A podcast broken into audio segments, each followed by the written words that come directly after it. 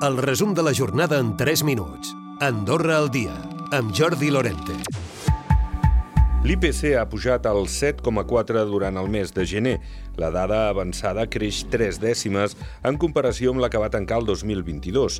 L'encariment dels aliments, les begudes alcohòliques i en menor mesura de la roba ha estat la causa de la pujada de la inflació al país denegats una vintena de permisos de treball i expedients oberts per contractes irregulars.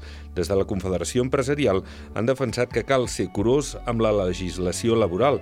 N'ha parlat el director de la CEA, Iago Andreu. El que hem de vetllar entre tots és que es compleixen els requisits i que aquesta fórmula no serveix per saltar-se la llei per la porta del darrere. La majoria, la gran majoria d'empreses del país doncs, compleixen amb la legalitat, eh, fan les coses eh, de manera regular, eh, doncs, eh, del, gestionen les seves plantilles, els llocs de treball de la millor manera possible.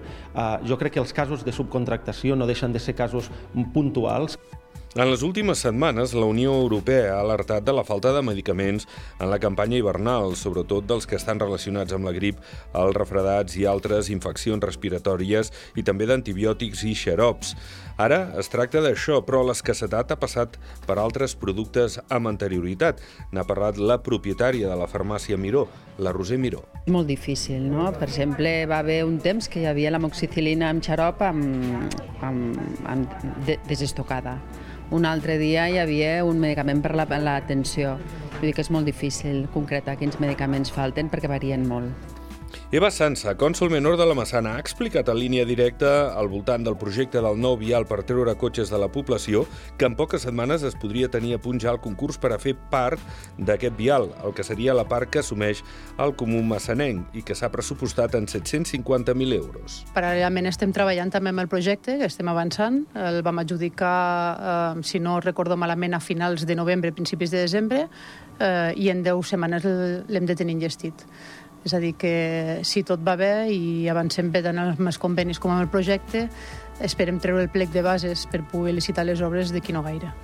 Al cafè dels matins, el director de Recursos Humans del nou Casino Únic Andorra, Miquel Àngel Aller, ha explicat que tot està a punt per l'obertura de la nova oferta nocturna a partir del 4 de març. I jo penso que s'ha fet una molt bona planificació i a data d'avui doncs, la veritat és que ja estem molt més tranquils perquè, òbviament, pel 4 de març, que serà l'obertura, ja tenim eh, la plantilla, eh, ja comencem a fer les formacions, la part de jocs ja porta temps fent la, fent la formació i ara comencem una miqueta a, a, a respirar una miqueta amb, amb, amb calma i a veure, a veure la, la llum.